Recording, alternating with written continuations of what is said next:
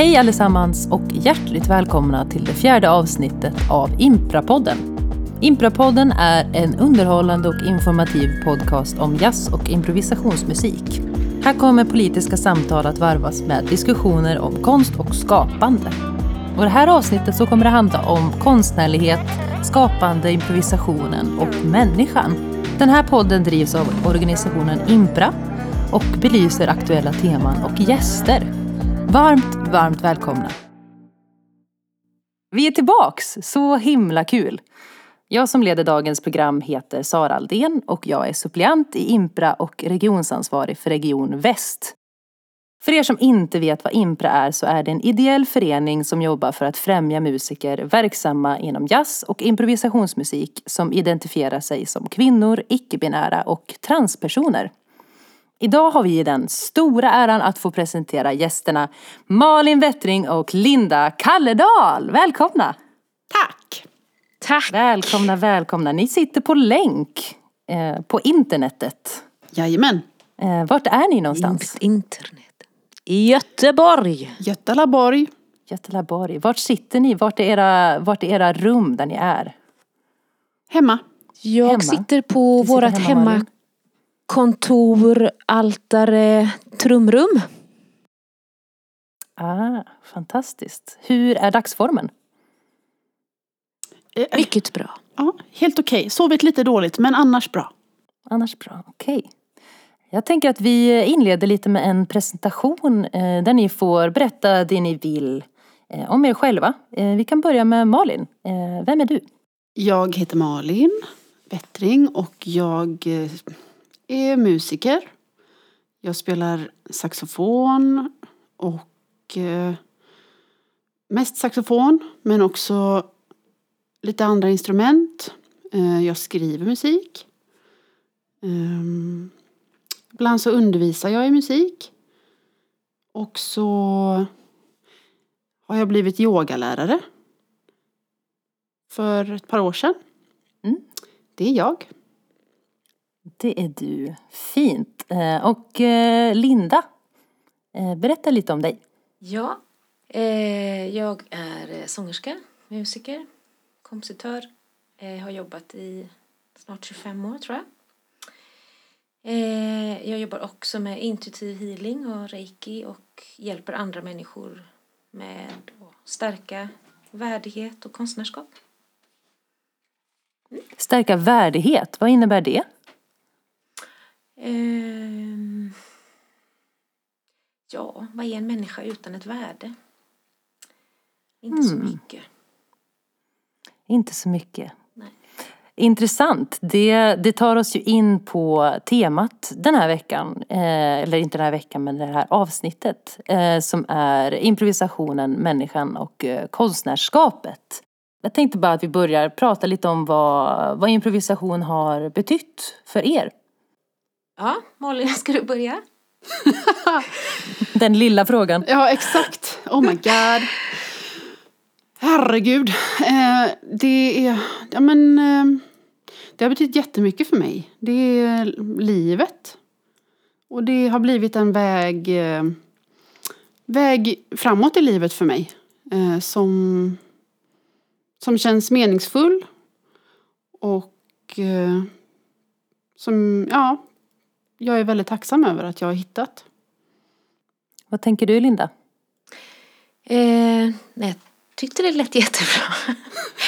eh, nej men jag tänker att eh, vi, eller jag är konstnär.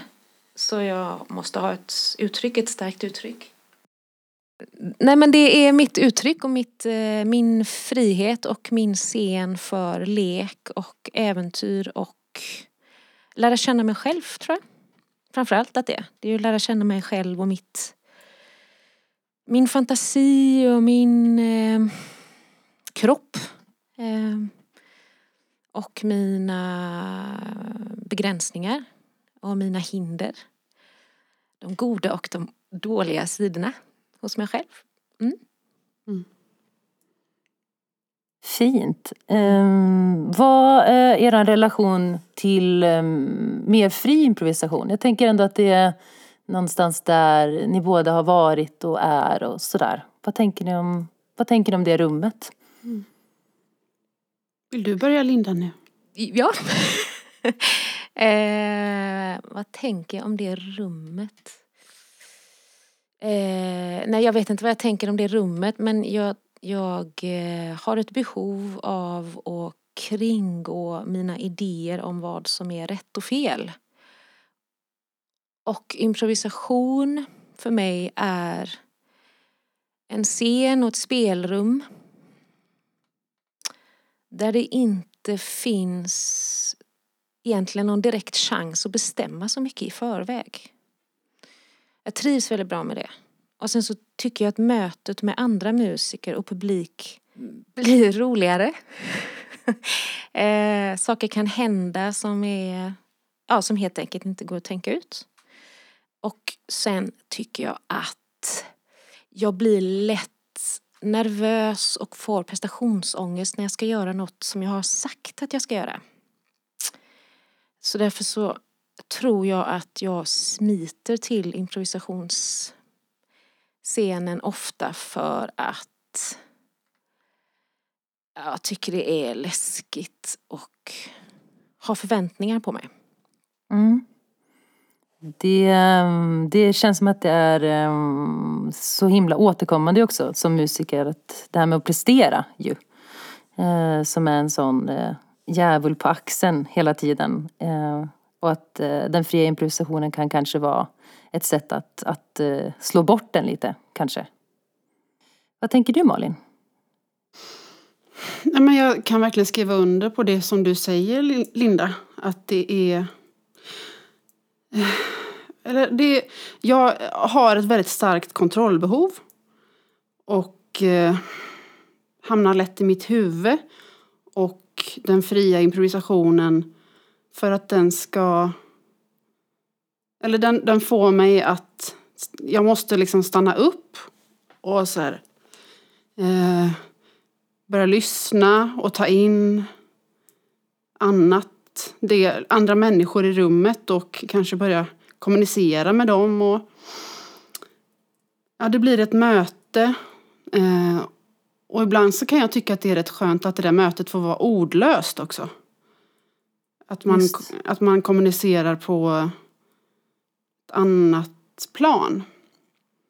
Eh, och det, den kommunikationen och ja, men den processen tycker jag känns väldigt meningsfull och eh, ja, det, det, det, jag, jag eh, blir liksom uppfylld av det. På ett sätt som jag kanske inte blir om jag försöker kontrollera allting. Då, då hamnar jag lätt i en strävan och vill bestämma. Och, så det är nyttigt och bra för mig att hålla på med improvisationsmusik. Mm. Just. Um, vart började ni? Uh, fanns improvisationen, den fria versionen av improvisation med tidigt eller var det något som ni letade er fram till i ert konstnärskap eller hur såg det ut för er? Jag började ganska sent uh, att uh, improvisera. När jag kommer ihåg när jag gick i liksom, saxofonlektioner när jag var sådär 13-14 så vägrade jag improvisera. Jag ville inte alls. För jag hade en bild av hur jag ville att det skulle låta i huvudet och så lät det inte så för att jag hade inte med mig fingrarna. Så då mm. vägrade jag. Eh, men eh, så hit, när, jag, när jag började på Fridhems folkhögskola så då upptäckte jag fri improvisation. Eh, och kunde, då var jag liksom mer redo att ta mig an det. Och det, eh, det, jag kände mig liksom hemma i den musiken. Det sättet att göra musik på. Mm. Just. Fortsatte du sen eh, liksom med den fria improvisationen eller har du kombinerat det med några andra projekt eller hur, hur har det sett ut för dig? Eh, den har varit med sedan dess eh, men eh, den, jag skriver ju också musik. Och jag tycker om att blanda det här strikt komponerade med fri improvisation. Så det, det har varit med sedan dess. Just. Och du Linda, vad, hur har det sett ut för dig? Vart blev det improvisation istället för kanske mer komponerat och så? Jag var på Konserthuset i Göteborg när jag var sju år med min mormor och lyssnade på Wiens gosskör. Mm. Och då tänkte jag, jag ska sjunga, men jag ska sjunga något annat. Och sen letade jag. Och så träffade jag musiker som improviserade. Just. Eh, Det är en fråga om det är en diss mot eh, eh, gosskören, att du kände att det här ska jag inte sjunga, men jag ska sjunga. Nej, nej, nej, det är det absolut inte. Utan det var en hyllning till gosskören. Att deras stämmor och deras eh, gemenskap fick mig att förstå att det finns en plats för mig på den här jorden också. Ehm, men jag kommer aldrig att göra det. Men jag ska göra det på ett annat sätt. Just. Jag vill ha den känslan och jag vill uppleva den stora musikaliska själen. Eh, men jag måste hitta min väg. Fint. Eh, Jag tänker era projekt idag och sådär. Hur, eh, hur ser det ut för er med de projekten ni jobbar med nu? Mm, jag är med i ett projekt där det inte är någon improvisation alls. Eh, och eh, men med improvisationsmusiker. Eh, jag är med i Mariam Believers nya projekt The Wishing Well. Just ja, ja kul. Eh, och jag, min prestationsångest gick i taket så att jag låste tre revben rätt in i hjärtat. Så att jag trodde att jag fick Oj, hjärtinfarkt. Eh, så läskigt är det. Mm. Att, att eh, det handlar nog mest att jag inte vill göra Mariam besviken. eh, Ja, jag förstår. och sen så är det det här då i mig personligen att då förväntas det att jag gör samma sak. Mm. Ehm, och det är text då. Och text Just. tycker jag är, hon, nu skriver hon fantastisk musik och fantastisk text så att det är inget svårt att ta det till sig men jag tror att jag bara inte vill göra fel. Så att jag är hela tiden lite, lite rädd att jag ska göra fel. Mm. Eh, och sen mina andra projekt är eh, fri improvisation, helt fri improvisation som vanligt. Ehm, och där, ehm, ja det är som vanligt. Och jag håller på och skriver musik. Och jag skriver ju som de, de som vet min musik, jag skriver ju väldigt kort musik. Eh, Ma- Malin du var inne på det också, jag skriver ju musik men det är ju för improvisation. Så man får ju göra vad man Mm. vill med det. Mm. Mm, jag är inte så intresserad av hur de jag väljer att spela med spelar heller utan jag förhåller mig till det jag har skrivit. Och jag hoppas att någon mer förhåller sig till det så att jag inte tappar bort mig. Det är ungefär så jag tänker. Um, nej men så det är nog en salig, känns som en salig blandning. Det är verkligen ytterligheterna just nu. Eh, och jag eh, har återhämtat mina revben. så, Ja. Och min Ja, prestationsångest. var det här nyligen alltså? Ja, det var, jag gjorde det ja, ja, i november, slutet av november, december, början av december. Jag kommer inte ihåg när vi repade sist men det var nog i december. Mm. Mm. Eh, men, men jag tror också att det är för att jag, jag vill jag vill så himla gärna att någon ska tycka om mig. Jag Mm. tycker att det är fint liksom. Och Mariam har skrivit så fantastisk musik. Svår också och jag vill bara att hon ska vara nöjd. Ja men det är väl väldigt allmänmänskligt tänker jag. Det är väl eh, så det är. Ja, Mm. jag tänker att det är så det är att vara människa. För att komma tillbaka till temat också som det liksom är. Att, att man Mm. vill, vill väl. Eh, och det kan, eh, det kan eh, bli så himla eh, hårt för en själv också då när man, när man vill prestera och, och eh, också inför andra liksom. Att det är en omsorg på ett sätt som, eh, som Mm. är en kan... eh, Men Ja. jag har en, ett superfint citat som en New York-baserad musiker som jag spelar med sa en gång. När det kom fram en man efter en konsert och var helt förtvivlad över hur jag sjöng. Eh, och han var eh, psykoterapeut och jobbade på ett sjukhus för sinnessjuka människor. Och sa att du sjunger som mina patienter. Nej. Och då kom den här musikern, den här musikern Yes. gick emellan och ganska kort japanska så säger hon Ja. We don't do art to please you. We do art because we are artists. Boom. Fuck yeah. Jag bara hängde efter. Jag bara, Ja. sen kom han Taget. och åt Så oss. så. Så att det, blev, det blev bra till slut. Ja. Men i alla fall, men nu ska Malin Ja. svara. Ja. Fint. Fantastiskt. Ja Malin, berätta. Vad, vad är dina Oj. projekt nu? Eh, mina projekt nu är... Eh, dels så är det min kvartett. Mm. Där, Malin Wettring 4. Ja, Visst. precis. Ja. Där det, är, vi, det ligger lite på is nu på grund av corona. Just. Eh, Men du släppte album i, i 2019 va? Den Ja. här live, eh, liveinspelningen från Hamburg. Så Ja. den kan man ju lyssna på. Tips, tips, tips. absolut. Och man kan också lyssna på Lindas Rainbow-skiva från 2020. Tips, tips, tips. Oh my god. Så. Eh, sen håller jag också på med ett projekt som är på ett sätt har legat och skvalpat i många år eh, men som också känns nytt. För det är ett projekt där jag spelar gitarr och sjunger. Kul. Ja, jättekul. Mm. Och jag har börjat... Nu under corona så har man ju fått mer tid. Och det har varit jätteskönt för då har jag kunnat ta den tiden och börja spela in det här. Just. Ja, och det är jätteroligt och jätteläskigt och jättespännande. Eh, Och jag tänkte på det du sa Linda med liksom prestationsångesten och det där. Och nervositeten. För jag kan känna att det blir värre ju äldre jag blir.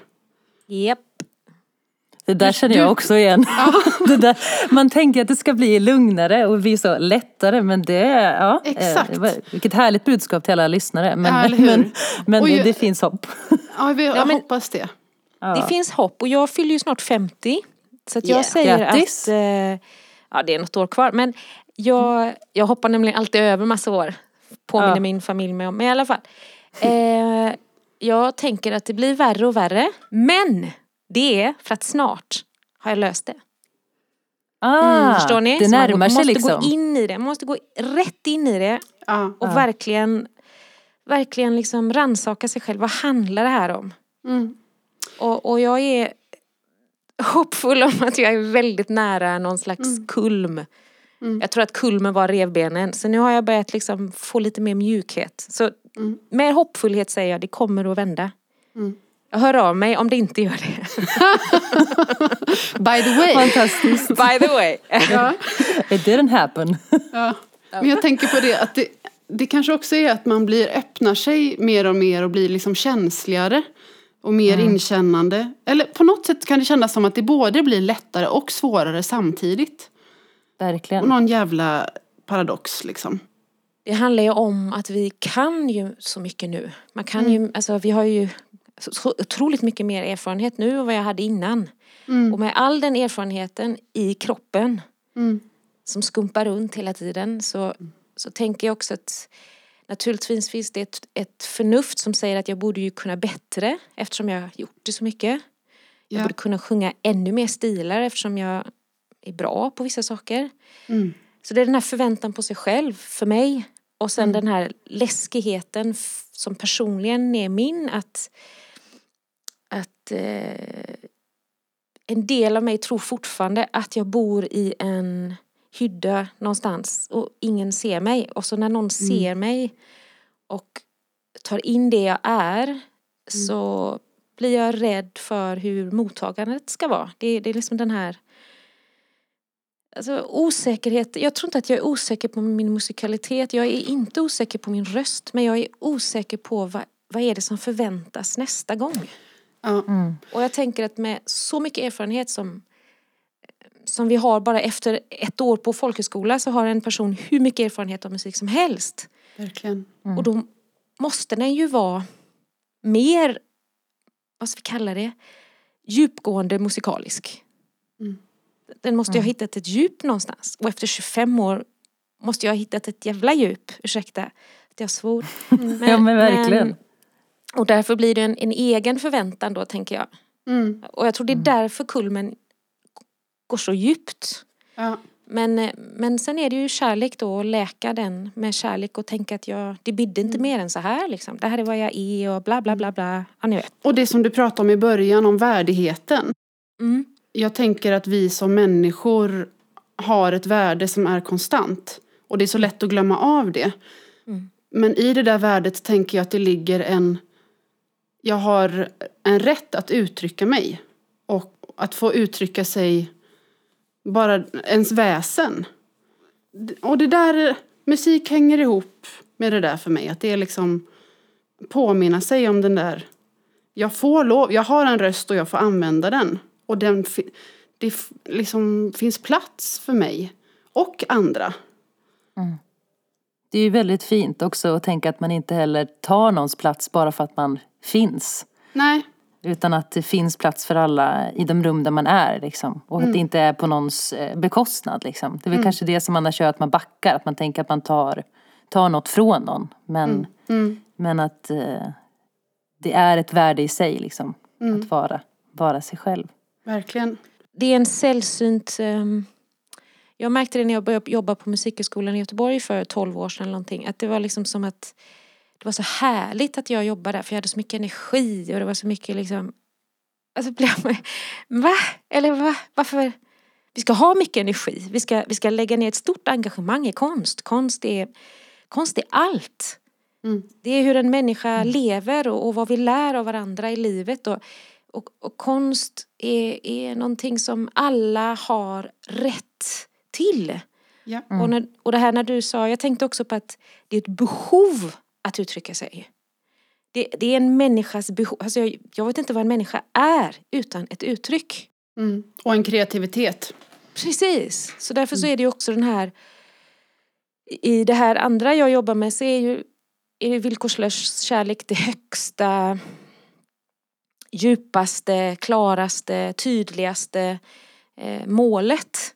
Mm. Och, och då tänker jag att jag hade ju aldrig i hela mitt liv träffat så mycket människor och rest så mycket och haft så många fantastiska möten om jag inte hade varit i musiken. Så därför så anser jag att alla borde få lite musik i sig.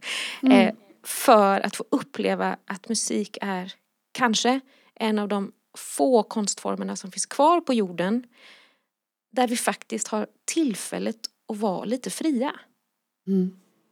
Så det, det, är, det är så otroligt viktigt att vi pratar om det, att, att lärare pratar om det, elever pratar om det. Eh, I musikaffärerna pratar vi om det, på bussar pratar vi om det. Vi, vi, Det är det också. Ja, men det är en jättefin diskussion. Eh, och det, det är ju lätt att tappa den tråden tycker jag. Och att glömma av sitt värde. Och, eh, för jag kan också, jag känner igen mig i den där prestationsångesten. Framför allt nu eh, när jag har etablerat mig lite mer. Jag tyckte det var lättare i början. Eh, typ att släppa skivor och sånt. För då hade ingen några förväntningar på en. Just. Men ju fler jag släpper eh, och det har kommit lite som en chock att oj, då börjar jag ta in den här världen. Jag lever ju i en Sverige är ganska litet. Det är en liten musikbubbla och man träffar på de flesta som håller på eh, efter ett par år, efter ett tag. Och det är som att man skapar den här bilden av människorna utanför sig själv. Och det är lätt att gå vilse bland dem och, och glömma av Eh, att just det, jag, jag är Malin och jag får finnas och jag får göra min röst hörd precis som alla andra. Ni båda jobbar ju parallellt med verksamheten med kropp och sinne i fokus. Eh, där Malin, du är en KRI-certifierad kundalini-yogalärare. Kan det stämma? Stämmer Då sa jag bra. som att det var ett stycke musik. Eh, och Linda, du arbetar med eh, reiki-terapi, energibalansering, tonhealing bland annat. Eh, vill ni berätta lite vad ni, vad ni jobbar med när ni, när ni eh, utövar de här mer kroppsliga aktiviteterna? Hur kommer det in i ert musicerande? Ja, Jag, jag, säg du Linda. Nej, jag skulle bara säga att eh, det har följt sig väldigt naturligt för mig. För när jag började sjunga så kom det folk som ville lära sig sjunga. Och sen så skickade de sina föräldrar till mig. Och sen skickade de sina vänner till mig. Och så skickade de sina barn till mig. Så det blev som två spår. Jag hade samtal i början. Andliga fördjupningssamtal som, som det kallas. Jag är lärd i kulturer som, som jobbar med eh, Ehm, det finns många vackra sätt att säga det på men att en människa är sig själv värdig. Och en människa är sin egen. Och en människa är magisk och fantastisk och en människa har möjlighet att skapa lust och kraft till att leva ett äventyr. Och jag är lärd i dem intuitivt sedan jag är liten. Och sen har jag haft, eh, jag är reiki master och jag undervisar i alla de här traditionerna också. Ehm, för mig innebär det musikaliskt att jag lyssnar. Så jag lyssnar på kroppen och på människans ord. Följer sällan det de säger. Eh, Har full respekt för vad de säger men jag är inte lärd i eh, psykoanalys till exempel utan jag är lärd i intuition och eh, ja, andlig kännedom. Så men jag upplever nog att det det handlar om för mig det är det musikaliska lyssnandet. Som i musik att vi lyssnar på, då säger jag vi då eftersom vi pratar om improvisation och så. Men ehm, lyssna på alla element. Jag ska ju ha mig i fokus. Vet ungefär var jag ska stå. Ehm, jag behöver lyssna på mina medmusiker samtidigt som jag måste lyssna på mig själv.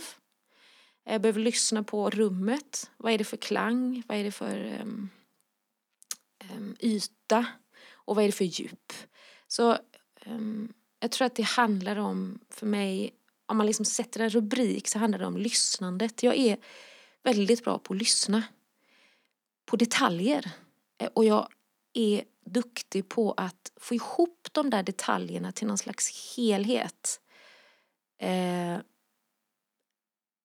tack vare mina tekniker då såklart. Eh, och då kan jag hjälpa människor till läkning som det heter. Så, och intuitivt betyder för folk som inte vet vad det är att det, det, om man översätter äldre språk så betyder det att slå följe. Så jag slår följe med det som sker i rummet. Eh, och då kan det vara gamla minnen, känslor, rädslor. Eh, kroppen kanske säger att den vill bli omhändertagen men inte bli berörd. Eh, eh, tonen kanske... Jag sjunger ju då när jag... Folk ligger på en bänk. Om jag inte samtalar, då sitter vi i varsin stol. Det här är jättebra. Du får jättegärna berätta mig som inte, för mig som inte har någon aning. Ja men precis. Nej, men man ligger på en bänk och, och så jobbar jag med energi... Eh, ja, vad ska man kalla det? Rörelsen i kroppen och i... Du sa nämligen kropp och sinne och för mig stämmer ju inte det för jag jobbar inte med sinnet utan jag jobbar med eh, helheten, det Ah. holistiska tänkandet då. Så att det är känslor också. Mm. Eh, Mina tekniker tillåter inte att jag känner. Så att det är inte jag som ska känna utan det är ju att skapa en sån lugn och stillsam timma där den här människan kan få tillåtelse att em, få finnas och, och vara det den, det den vill i det rummet med mig under den här timman. Och man är nerbäddad Okej. i liksom väldigt strikta rutiner på. Jag förhåller mig väldigt strikt, det behöver man inte. Men det är gamla traditioner. Mm. Ehm, och samtidigt, och samma när jag undervisar, det är väldigt för mig viktigt att hålla sig till rutiner. Ehm, Så essensen av det jag gör känner jag ju äldre jag blir att det är samma sak. Jag förhåller mig till mig själv och sen förhåller jag mig till andra. Och med min erfarenhet och mina kunskaper så skapar jag en, ett, en syssla, ett jobb. Ja. Och, och där finns jag. Fint. Ehm, vad tänker du Malin? Berätta. Vad, det här, berätta också vad, vad det innebär att vara kundalini-yogalärare. Jag är grön där också. Berätta. Kundalini-yoga är en tradition, speciell yogaform eh, som kommer från Indien som den mesta andra yogan. Den kom till USA på 60-talet med en man som heter Yogi Bhajan och så har, sen dess har kundaliniyogan spridits i västvärlden. Och 2018 tror jag det var så gick jag en ettårig utbildning. För jag kände att jag har länge ja, men det har kommit upp i mitt liv att jag har svårt att ha, ha kontakt med min kropp. Mm. Och därigenom haft svårt att vara närvarande. Och när jag själv började utöva yoga så blev det en det blev ett verktyg för mig att ja, men, skapa kontakt med kroppen. Eh, och därigenom skapa närvaron. Och genom närvaron så kände jag att jag fick en djupare kontakt med mig själv. Eh, och därigenom kunde få djupare kontakt med andra. Och därför så blev livet lite roligare. Ibland.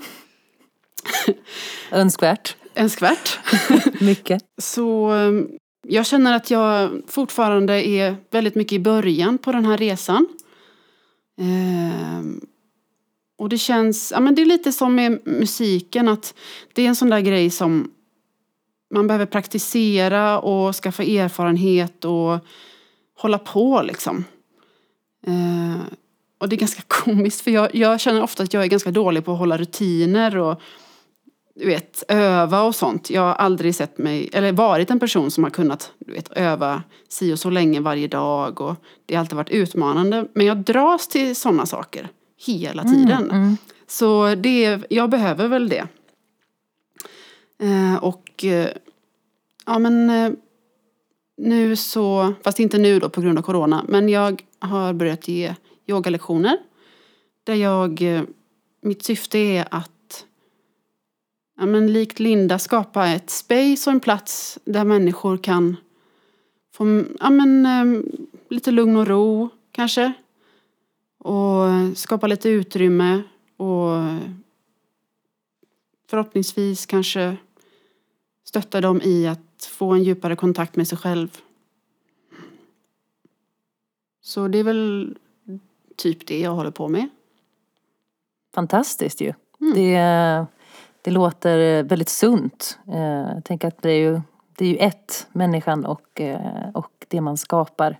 Att det hänger ihop och att det eh, på något sätt ändå, ju mer man jobbar med det ena så ger det det andra också. Att man liksom, de står i relation till varandra. Absolut. Ehm, Jag tänkte också fråga mm, eh, Jag går på Musikhögskolan i Göteborg och där eh, undervisade du Linda eh, för några år sedan nu. Eh, Och jag måste bara fråga, för jag har varit nyfiken ända sedan dess. För jag kan berätta för, för eh, er eh, att det var alltså då en, en eh, lektion där vi gjorde massa olika grejer. Mycket så kontaktövningar och sådär. Eh, och det var en, en eh, del av eh, lektionen som gick ut på att vi skulle eh, sitta mitt emot en person som var ehm, ja, det, jag vet inte om det var att det skulle vara någon man inte kände sen innan men det, var, det blev det för mig i alla fall. En person eh, som man skulle sätta sig mitt emot eh, och sen så skulle man sitta tyst och titta varandra i ögonen. Eh, och jag tror det var kanske 10 eller 15 minuter. Och uppgiften var också att inte blinka. Och jag tyckte det här var, alltså jag är fortfarande, jag tyckte det var en sån häftig övning för att det som hände då, efter, alltså man kan ju testa själv att blinka eller inte blinka eh, i tio minuter så får man se hur många hinkar tårar som, som ögonen skapar liksom. Eh, det bara rinner tårar liksom. Och eh, först så var det väl liksom en, eh, ja men en, en eh, nästan lite så, ja men lite pinsamt inför varandra. Man satt så och tittade, jag satt och kollade den här eh, kvinnan i ögonen och såg henne liksom börja så. Det började rinna tårar och, och även på mig så. Och man försökte liksom hålla kvar ögonen uppe. Det tog väldigt mycket disciplin, liksom anstränget att inte blinka. Eh, och sen kom man liksom förbi det stadiet där det slutade vara en irritation. Där ögonen vande sig vid den här tårproduktionen liksom. Eh, och när det då också bara blev att jag helt plötsligt satt mitt emot en person som jag liksom aldrig, eller jag har aldrig i mitt liv tittat någon i ögonen utan att prata och utan att fråga i 10-15 minuter liksom. Eh, och eh, det var en sån himla stark upplevelse. Eh, allmänmänsklig och eh, djup Eh, och jag har varit så nyfiken i efterhand att höra, Linda, vad, vad, din, vad var din tanke med den, den övningen? Jag jobbar ju då som det heter intuitivt så jag känner ju in gruppen. Och Mm. sen utgår jag från vad jag kan. Va, vad, vad har jag för skills som kan göra något med den här gruppen helt enkelt. Mm. Eh, och varför jag gör den övningen, det är, jag är lärd i den övningen. Ehm, jag är ehm, övertygad om att ord är oerhört viktiga. Men att de missbrukas och vi pratar med ord som vi inte vet vad de innebär, vad de betyder. Jag tycker vi, bara en sån här sak som att säga till någon, förstår du vad jag menar? Förstår du? Nej, jag vet inte vad du säger, men jag hör vad du säger. Men jag, jag förstår inte vad du menar. Alltså det är klart jag inte gör. Så jag, det är en humoristisk sida i det också. Och det är att jag tycker att det är eh, mycket roligare att lära känna människor musikaliskt. Eh, Och det blir musikaliskt för mig när vi, när vi är i ett space med någon annan. Och sen har jag jobbat med, jag har jobbat med Marina Bromovic och jag har jobbat med människor som har gjort det till en, en konstform. Men i buddhistisk struktur, som jag också är lärd i, i en, en reiki-gren, en gammal zen-buddhistisk tradition, så eh, är det en nödvändig eh, vacker stund att tydliggöra vem som är du och vem som är jag. Och sen smälta in i, i mitten av att vi ser varandra både utifrån oss själva men också utifrån den andra. Det blir det är ett djupt eh, poetiskt möte. Och vi blottar varandra så himla mycket genom våra ögon. Och det, jag har, knappt hör jag längre att ögonen är människans själ. Det är själens titthål ut. Eh, Vi pratar aldrig längre i de termerna, i alla fall i den här världen som vi lever i. Så, och jag som är, Mm. är, eh, är en själ och har ett par ögon som där själen får se saker. Eh, vill gärna att vi ska komma tillbaka till det ursprunget som tillhör våran existens. Att vi faktiskt känner varandra. Vi har helt enkelt simmat samma vatten. Så vi, vi, vi ska sluta separera varandra. Vi är inte dem och vi, eller jag och du. Vi är, vi är människor med känslor och historia och drömmar. Och, och jag upplever att när jag gör den övningen i en grupp av människor så behöver jag inte göra så mycket mer sen. Det händer någonting med gruppen och det blir magi av det. Och, och jag är mer intresserad av magi än att visa vad jag kan. Så det var ju kul att du tyckte om den. Ja, nej, alltså jag, jag, var helt, jag var helt blown. Det är exakt det du går in på. Just med magin. Att så här, det, var, det var magiskt verkligen. Eh, Och varken förr eller senare har, har det skett att jag har gjort det på det sättet. Och det, det känns också som att det sätter eh, ribban, eller kanske antiversionen av det. Det lägger ner ribban totalt för alla i rummet. Ja, som du säger att, att där jobbar man sen ifrån och kan möta varandra. Och det, musiken som skapades efter det hade ju aldrig blivit vad den blev om vi inte hade mötts där i den stunden. Liksom. Jag får en så stark bild av att se varandra. Att verkligen se varandra. Mm. Och att det kan skapa ett förtroende. Och en trygghet och en eh, ja, men tillsammanskänsla som du säger Linda. Mm. Tänk ändå, alltså vad var det, 10-15 minuter? Ja, det är länge alltså. Det är så himla många minuter. Fast det är ändå inte det. det Nej, jag vet. tänk hur många 10-15 minuter vi har per dag liksom. Ja, Det är ja, så, sant. eh, ja men det är så paradox. Man kan också göra den här övningen med sig själv. Titta sig själv i Ah. ögonen i spegeln. Så det, Wow. det, det gör jag också. Nu vet jag vad jag ska göra ikväll. Jag med. Och de som lyssnar, det, om ni tycker det är lite obehagligt eller att ni känner att ni är så jävla arga så att det känns jobbigt att titta sig själv. För om man har mycket, mycket självkritik och titta sig själv i ögonen i en spegel, det är inte roligt. Men Nej. om man vågar göra lite, lite, lite, lite varje dag så förstår man sen att jag, jag har liksom gjort mitt bästa. Jag har gjort det jag har kunnat. Och Och den här ilskan som jag känner är ju frustration också för att kanske ingen har lyssnat på mig. Jag har kanske inte haft någon att, att bolla mina idéer med. Jag känner mig ensam. Det kanske är frustrationen. Eh, eller att jag känner att jag har gjort någonting som är fel som jag behöver för min egen skull städa i ordning i. Så om man vågar göra den lite, lite, lite, lite för att komma lite djupare i sig själv så kan den hjälpa på, på väldigt eh, på ett bra och skönt sätt. Men men man ska inte göra den om man blir, om man blir rädd eller tycker den är obehaglig. Men, men jag vill ändå påminna om att allting som vi gör i någon form av ordning ehm, disciplin, det var det Malin var inne på också. Vi, vi som är friare i själen har nog ett stort behov av en del ordning. Eh, så det är gött alltså. Man kan testa det. Så det kan man göra själv också om man inte har någon. Jag tänker att vi går in på ett lite, lite allvarligare ämne. Eh, och det kommer just till det här med kanske prestation och så. Eh, jag undrar lite om ni någon gång har stått inför frågan om ni ska hålla på med musik, om ni vill sluta eller om ni, eller har det alltid varit självklart för er att det här ska jag göra, no matter what liksom? Jag tror att jag har nog aldrig tänkt att åh, nu ska jag sluta helt. Men kanske behov av paus och att, att göra andra saker och skapa space och sådär. För det var ju en, en period, framförallt när jag utbildade mig, som då går man så djupt in i, i musiken. Och sen så, kanske, sen kanske när man jobbar med projekt eller stora grejer så det blir så djupt. Och då hade, har jag snarare känt behov av en, en paus. Men jag tror inte att jag har känt att jag vill sluta. Men, jag, men det är liksom... Saker har gått så mycket i etapper för mig. Att, ja men eh, innan musikgymnasiet, ja men vad vill jag göra? Ja men jag vill jag söka, söka musikgymnasiet, det känns roligt. Och efter gymnasiet, ja men vad ska jag göra nu då? Jag kanske sö- söker en folkhögskola. Ja, och vad ska jag göra sen då? Ja, men kanske musikskola. Och vad ska jag göra sen då? Ja, men då längtar jag efter det här projektet. Och då längtar jag efter det här.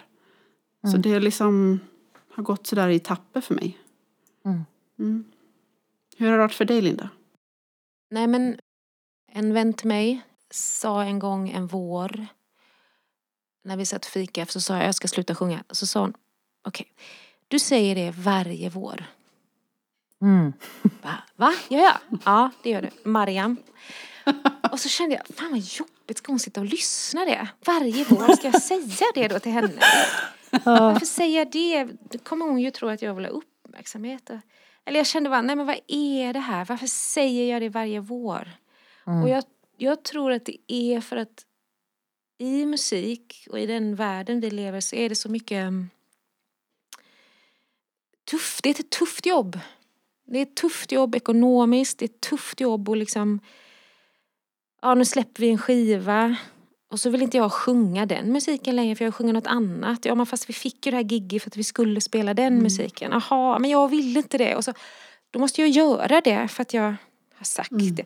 Eller jag känner att det är, och sen är det ju också det här med att ska vi gå djupt in i musiken så vet jag inte, jag har liksom ingen plan. Jag vet inte vad jag vill bli när jag blir stor. Jag har ingen, eh, jag har aldrig haft en musikalisk em, vision. Jag vet att om jag inte sjunger så mår jag väldigt dåligt. Jag vet att om jag inte är med musiken så isolerar jag mig.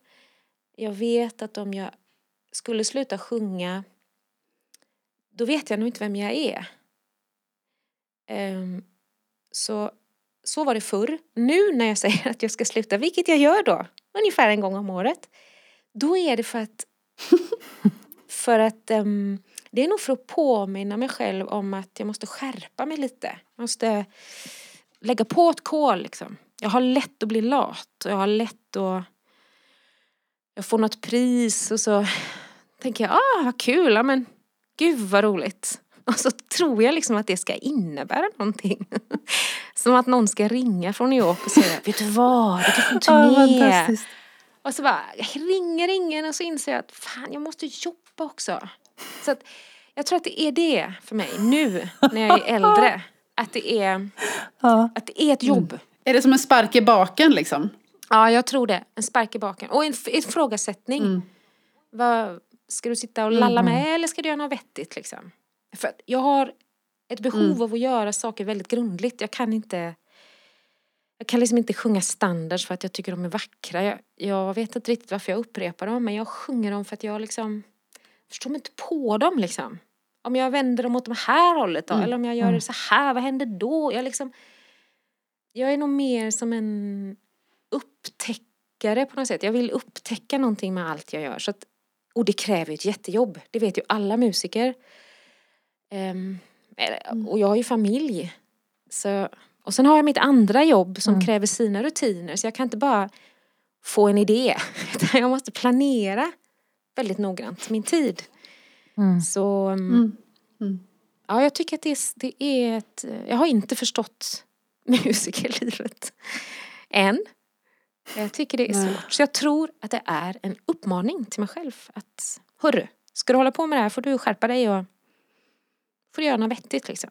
Du får anstränga dig lite. Så vad ska du göra? Det är lite det här. Ja, men jag skulle vilja... Ja, och det kräver det här och det här och det här. Jaha. Ja, och så vidare. Så jag tror det handlar om det. Verkligen. Superintressanta svar.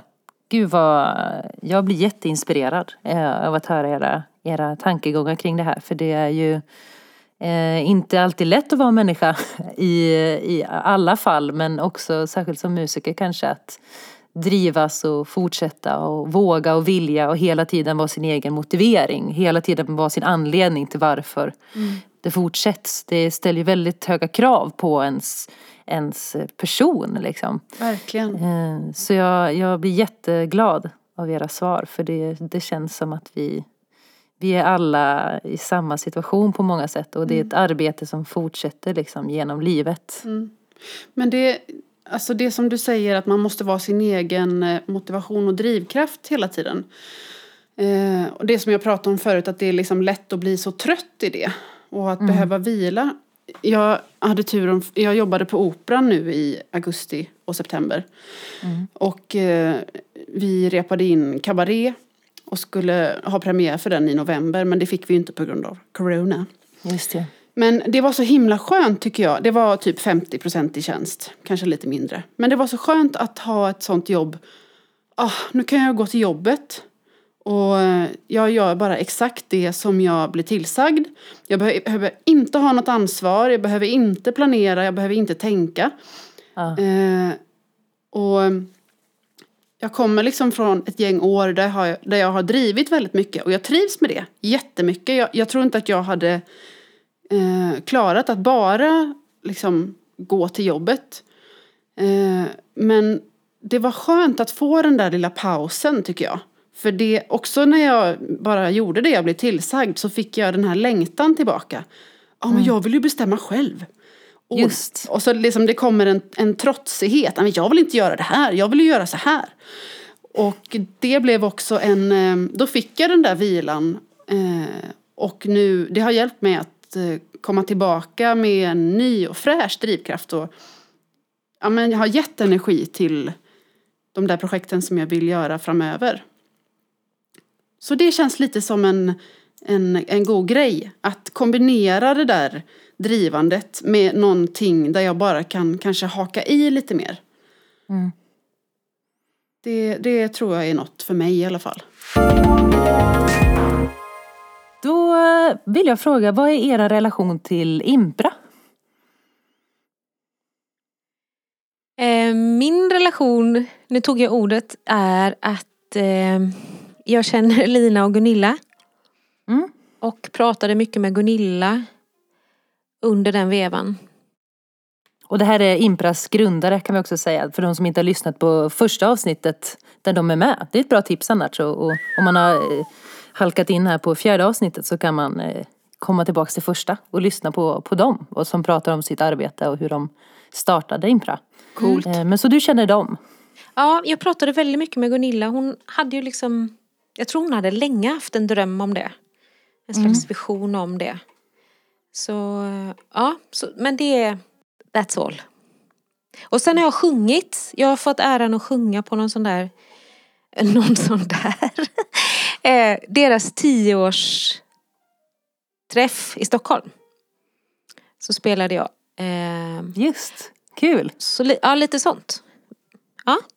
Men sen naturligtvis så har jag ju följt vilket arbete de gör.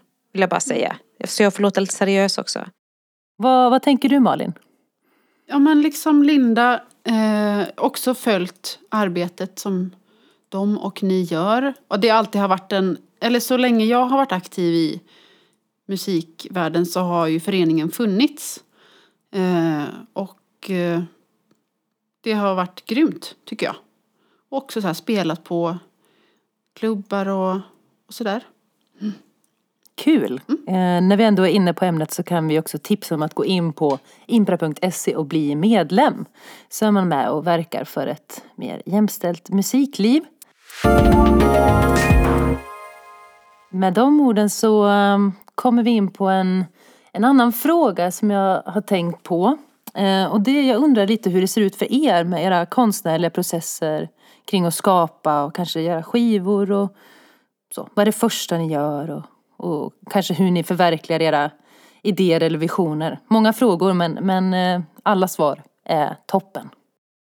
Jag får ju musikaliska visioner. Jag får någon slags bild eller en förnimmelse som växer fram under lång tid. Jag brukar se det som att jag har som ett hjul som snurrar ovanför huvudet. Och där eh, åker det en massa idéer som eh, vissa har åkt jättelänge, andra har åkt ganska kort. Och så plockar jag ner en idé och tittar på den och kanske fyller på lite och bygger vidare på idén. Och så känner jag efter om den är, känns mogen eller om den behöver åka lite till. Och så har det varit för mig med mina skivor i alla fall. Att jag har fått en vision och en bild och så har jag känt att amen, nu vill jag göra det här. Och då försöker jag, amen, som Linda pratade om, skapa tid och utrymme för att plocka ner den där idén och jobba med den. Sen så blir det ju kanske aldrig exakt som jag har tänkt mig men det ger mig någon slags riktning i alla fall. Och en uppstartande energi. Eh, och så har det varit med den här skivan som jag håller på med nu. Att eh, vissa av de här låtarna är liksom åtta år gamla och har följt med jättelänge. Men, och jag har pratat om i flera, flera år att jag ska spela in den här skivan där jag spelar gitarr och sjunger. Men det har liksom inte blivit. Men eh, nu var det så tydligt att det är nu det är dags. Eh, och nu har det kommit ut ganska fort. Eh, Det var redo liksom? ja, det var redo. dags. Det var redo. Ja. Mm. Fint. Eh, du Linda, vad, vad tänker du om dina, dina konstnärliga processer? Eh, nej men jag, jag tror att de kommer från väldigt många olika håll. Eh, jag har ju också, säkert som Malin, också haft lyxen att bli tillfrågad att göra musik. Så, och då är det en annan situation när någon ber en att göra musik. Nej men sen kan det vara att jag är... Att jag... Sista skivan nu då, ta det som exempel. Då, ehm, jag och Ingebrigt spelade för massvis med år sedan. Och det jag minns av våran musik när vi gjorde den här duokonserten, det var att vi hamnade på en slags asfaltsväg i Australien. Och så var det bara rakt fram. Det var som att vi kunde gå hur långt som helst. Bara vi liksom gick ihop. Och sen har vi liksom haft kontakt. Och så var det faktiskt så här. Att jag var i Kanada och så var jag och Andreas, han var där också av en annan anledning. Och så gick vi och käkade ostron med min familj. Och sen så fortsatte jag och Andreas och så gick vi på en musik, jag vet inte, klubb tror jag. Och så var det en annan person som sa, jag ska hälsa från Ingebrigt. Han, han pratar så bra om dig jämt och så här. Jag ska hälsa så mycket.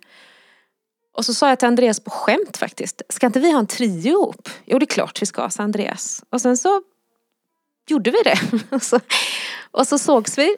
Och så kom Andreas med bilen när vi skulle spela in. Och så sa Ingebrigt, ja ah, det blir standard. Och så sa Andreas, aj jag har inte spelat standard. Jo, jo sa han, det, är det det blir nu. Och så garvade Andreas och trodde inte att det, han trodde vi skämtade med honom. Och så, så ja. vi har jämmat lite så vi har valt ut några låtar här. Och så spelar vi bara in dem med Andreas bror. Så, så har det ofta gått till. Fantastiskt.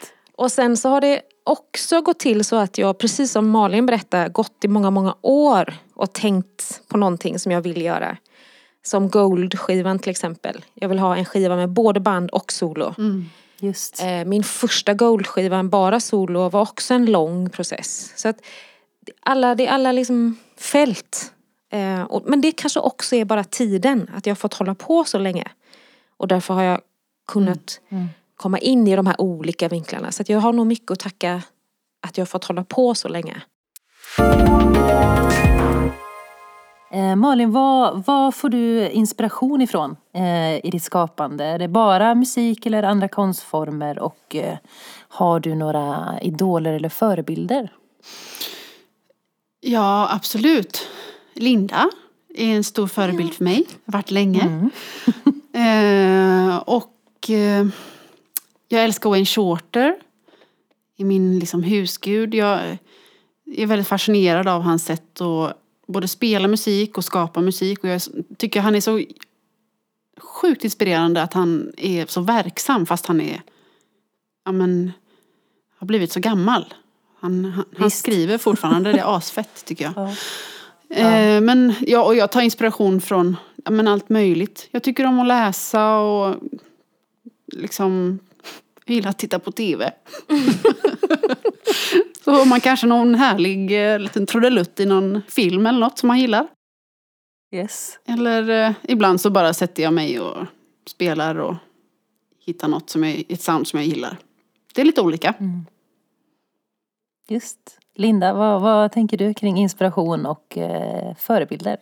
Nej men alltså, det första jag tänker på det är Whitney Houston för mig. Jag som är så gammal, jag har ju vuxit upp med henne. Jag har ju varit på live på henne, på henne, jag har lyssnat. Jag har varit på två Michael Jackson-konserter. Live själv den ena gången Wow. ute Oh på. Eriksberg. Oh, Så att för mig är ju live, livemusik och alla de här 80-talsmänniskorna. Och det är ju liksom rhythm and blues och det är, det är liksom soul och det är 80-talspop. Och sen är jag ju djupt berörd av gospel, alltså inte kanske, vad ska vi säga, ja men Aretha Franklin såklart är ju allas drottning. Gladys Knight har jag lyssnat på hur mycket som helst. Eh, Patti, Patti LaBelle, eh, The Pointer Sisters hade jag en video som de har spelat in. När de åker och gör coola grejer. Som jag satt och tittade på en sån videobox Wow. som vi hade. Man hyrde när jag var ung. Fett. Gick man och hyrde Yes. en videobox och då satt jag och kollade på den här om och om och om om, om igen. Och sen kom MTV. Så jag som sagt började ju när jag var sju just då, mina planer. Så då kom MTV, så jag är uppvuxen med MTV kan man säga. Men alla amerikanska soulkvinnor, soulmännen, Mm. ja. Nej men det är liksom, det är den skaran av sångerskor för mig som är roten till min lust tror jag. Roten till glädjen av att rösten bara bär. Eh, och, och jag känner att de har inga issues med sin röst. Så att jag har lärt mig att det behöver man inte ha. Man bara sjunger. Eh, man har andra issues i sitt liv. Så det är väl det. Och sen så Ja. tänker jag på när Malin pratar också att nu och genom livet när, man kan, när jag kan titta tillbaka. Alla musiker jag någonsin har spelat med är ju Ja. mina idoler. Alla.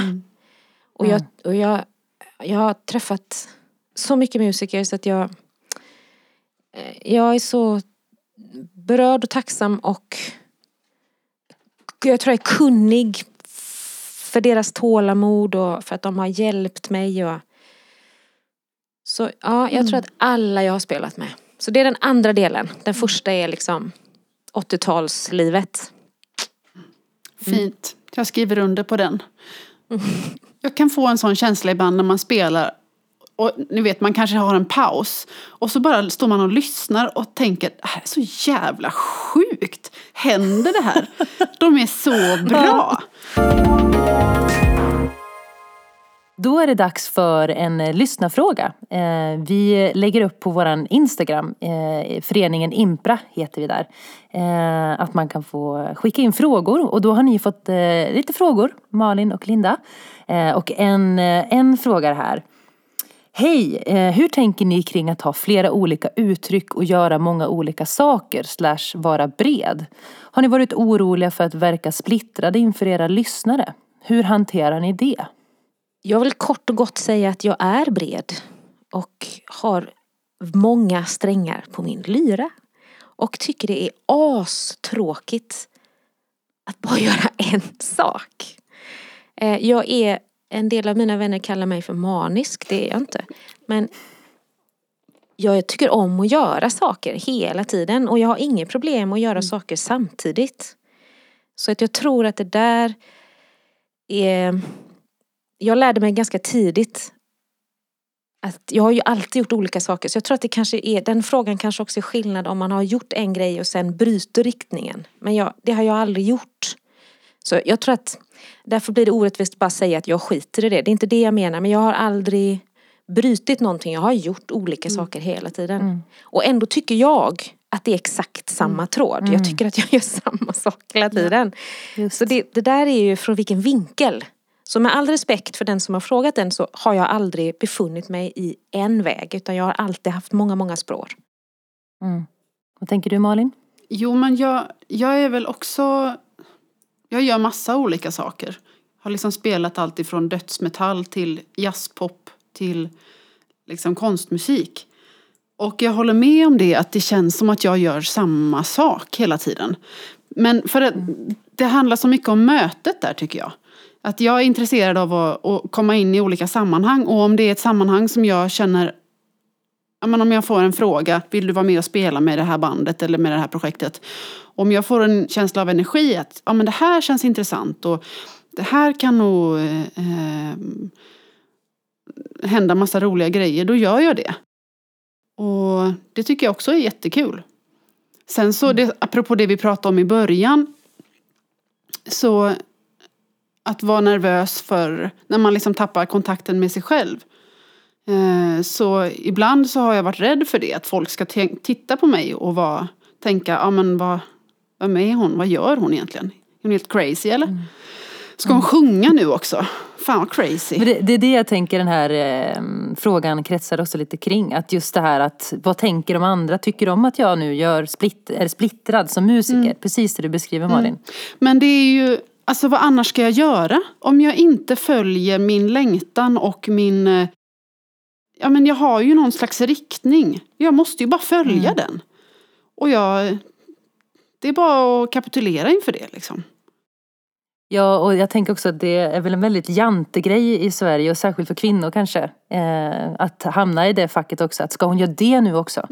Att ska hon göra det och ska hon, ska hon sjunga, ska hon måla, ska hon... Att det kan lätt bli så. Mm, ska hon eh, finnas? Man liksom, en publik efterfrågar. Ja, exakt. Hon får finnas. Eh, Fast Ja. kan det också vara så här, jag tänkte bara en snabb sak när Malin pratade. Att Mm. Det är ju faktiskt inte bara så att man bara kan göra en sak. Jag kan inte bara sjunga soloskivor. Man kan inte underhålla ekonomin eller få en typ av konserter resten av livet. Nej. Det är också en Nej. praktisk situation. Verkligen. Man får inte glömma att det är, en, det är en ekonomisk fråga men det är också hur många scener finns det i Sverige? Mm, det är inte så många. Jag har spelat eh, liksom på massa andra ställen. Eh, utomlands, eh, kanske på konferenser eller när någon har något bröllop. Eller, alltså man måste ju, för att det är kul att spela musik också. För att om man ska bli bättre eller om man ska utvecklas så måste man spela mycket ibland. Så, så jag menar också att det är ju också en, en teknisk fråga. Det, det är väldigt få som, som David Bowie som kan göra sin grej resten av sitt liv. Det är ju få som får den plattformen. Växer upp på 60-talet i London och är magiska. Alltså sammanhanget. Vi, vi glömmer också att det är ett jobb. Mm. Så ja, jag vill bara säga det. Verkligen. Well put. verkligen. Bra sagt. Då eh, tänker jag att eh, jag eh, vill fråga om lite tips faktiskt eh, från er. Eh, när det kommer till just eh, musik eller konst eller böcker. Om det är någonting som ni bara så på senaste tiden har konsumerat eller läst eller tänkt kring som ni vill tipsa om. Hit me. Alltså den ständigt aktuella Tove Jansson va? Ja, stjärna. Stjärna. Stjärna. Det är alltså min eh, top artist på Spotify två år i rad nu. Ah, wow. Man kan lyssna på hennes böcker där. Eh, där är, Just. det är mycket klokskaper. Där. Sen vill jag tipsa om Elin Folkelids platta eh, Playing for Train. Sjukt bra Mm. platta. Gött. Tack så jättemycket. Bra tips. Har du några Linda? Alltså jag, jag lyssnar mest på hiphop just nu. Fräscht. Se där. Genom min son som har ett öra utöver det vanliga. Han hittar musik som är så fantastiskt bra så att jag, jag har liksom släppt idén av att jag skulle hitta något eget.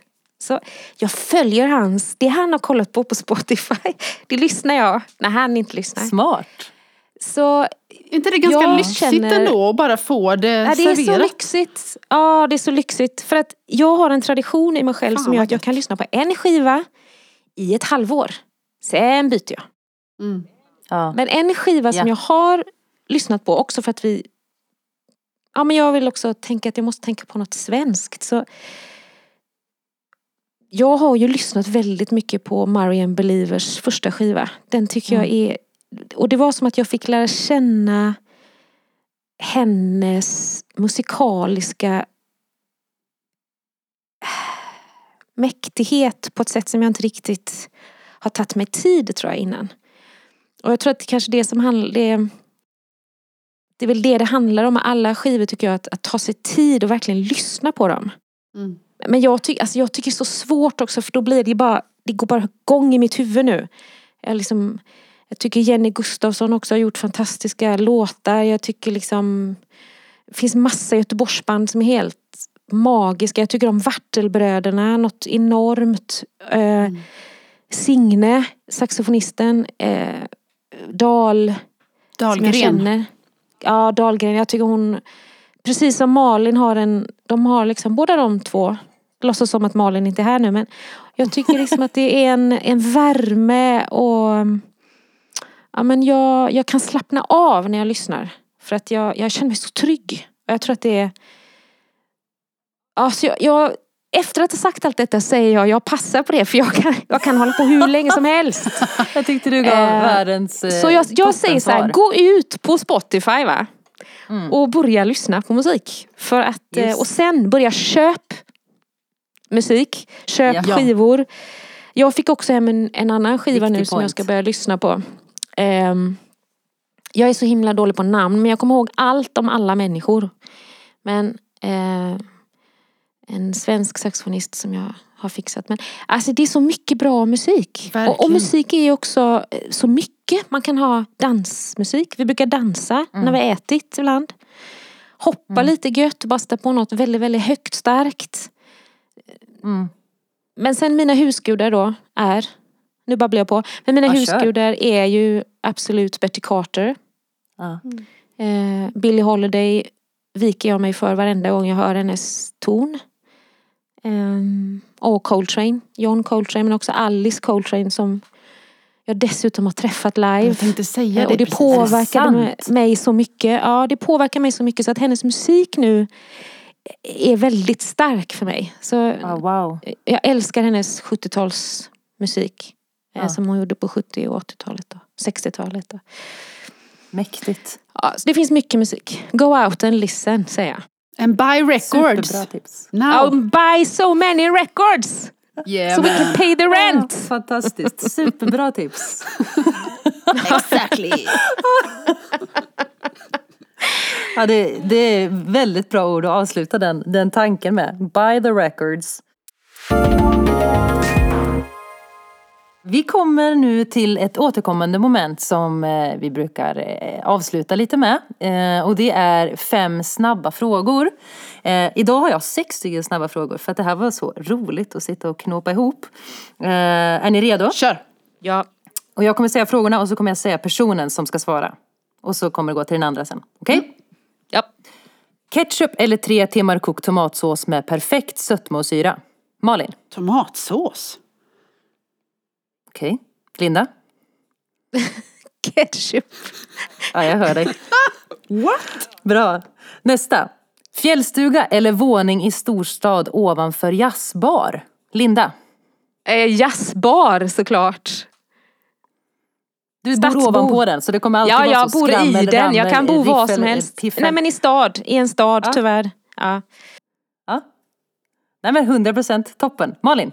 Ja men alltså om det är en fjällstuga så väljer jag ju jazzbaren. Men hade det varit ett hus på landet hade jag tagit huset på landet. Ah, interesting. Mm. Okej. Nästa. Tidig krispig morgon eller ljum sommarnatt? Malin? Oj, fan. Eh, tidig krispig morgon. Uh, nice. Du då Linda? Jag älskar att sova så jag får säga sommarnatt då. Du, du, fastän du älskar att sova, så ah, okej, okej, du tänker att du sover på sommarnatten. Det är en Ja. fantastisk syn på det. Nej! Jag tänker att man liksom nej, njuter nej, av jag menar- sommarnatten, är ute och så, springer på en äng. Nej. Hon går inte upp på morgonen. Nej, nej, nej, men jag menar det. nej, jag menar, går inte upp på morgonen. Förstår du? Jag går inte upp på morgonen. För du Ah. frågar om morgon Okej, eller nu natt. fattar jag. jag såg framför mig att du så tittade ut och bara konstaterade en ljum sommarnatt. Perfekt, nu är det liggedags. Går jag ner och sussar. Nej, jag tycker om att sova på morgonen. Ja. Jag vill Fattar. sova på morgonen. Ja. Toppen. Okej, nästa. Är du redo? Mm. Okej. Hemmabio eller bio på lokal? Malin. Hemmabio. Hemmabio. Fredagsmys eller stormiddag Italian style alla bolare? Oh. Åh, fredagsmys. Fredagsmys. Inte ens fast jag sjöng så kom du igång och ville ha Nej, middag. alltså, jag, okej. jag, Malin. jag älskar att vara social. Jag älskar att vara social. Jag älskar Ja. människor. Men fredagsmys just idag lät så himla mysigt. Ja. Mm. Nej men det är det bästa. Det är det bästa. Det är bara så. Ja. Malin då? Jag tar båda. Båda. Helt rätt! Varför har ingen kommit på det här innan? Att man kan ta båda. Geni! Ja, exakt. Geni! Okej, här är sista. Och den här är lite längre. Så håll i hatten. Okej? Först att svara blir Malin. Okej? Yes. Vad väljer du? Få tusen spänn i cash i födelsedagspresent? Eller få en lite ful tröja som någon köpte till dig som de tycker verkligen passar? Oj, så en hemsk människa. 2000 spänn i cash. Det, det är bara tusen. Eh, Okej, vad, vad väljer du då? Ja, men pengarna då. Du tar pengarna. Gött. Du då Linda? Alltså alla som känner mig och köper presenter till mig vet ju att jag byter de mesta. Så jag säger cash. Ge mig cash. Cash is king! Cash is king! Cash is queen. Yes. Oh yes! Queenie queen. Queenie, queenie. Då återstår det bara för mig att tacka så hemskt mycket för det här avsnittet. Och tack Linda och tack Malin för att ni var med. Tack, tack, tack. Tack så mycket. Tack, tack, tack. Det var så himla fint att få samtala med er. Det var jättekul. Samma, samma, Och ta samma. hand om er i, i, dessa, Detsamma. i dessa tider. Tack.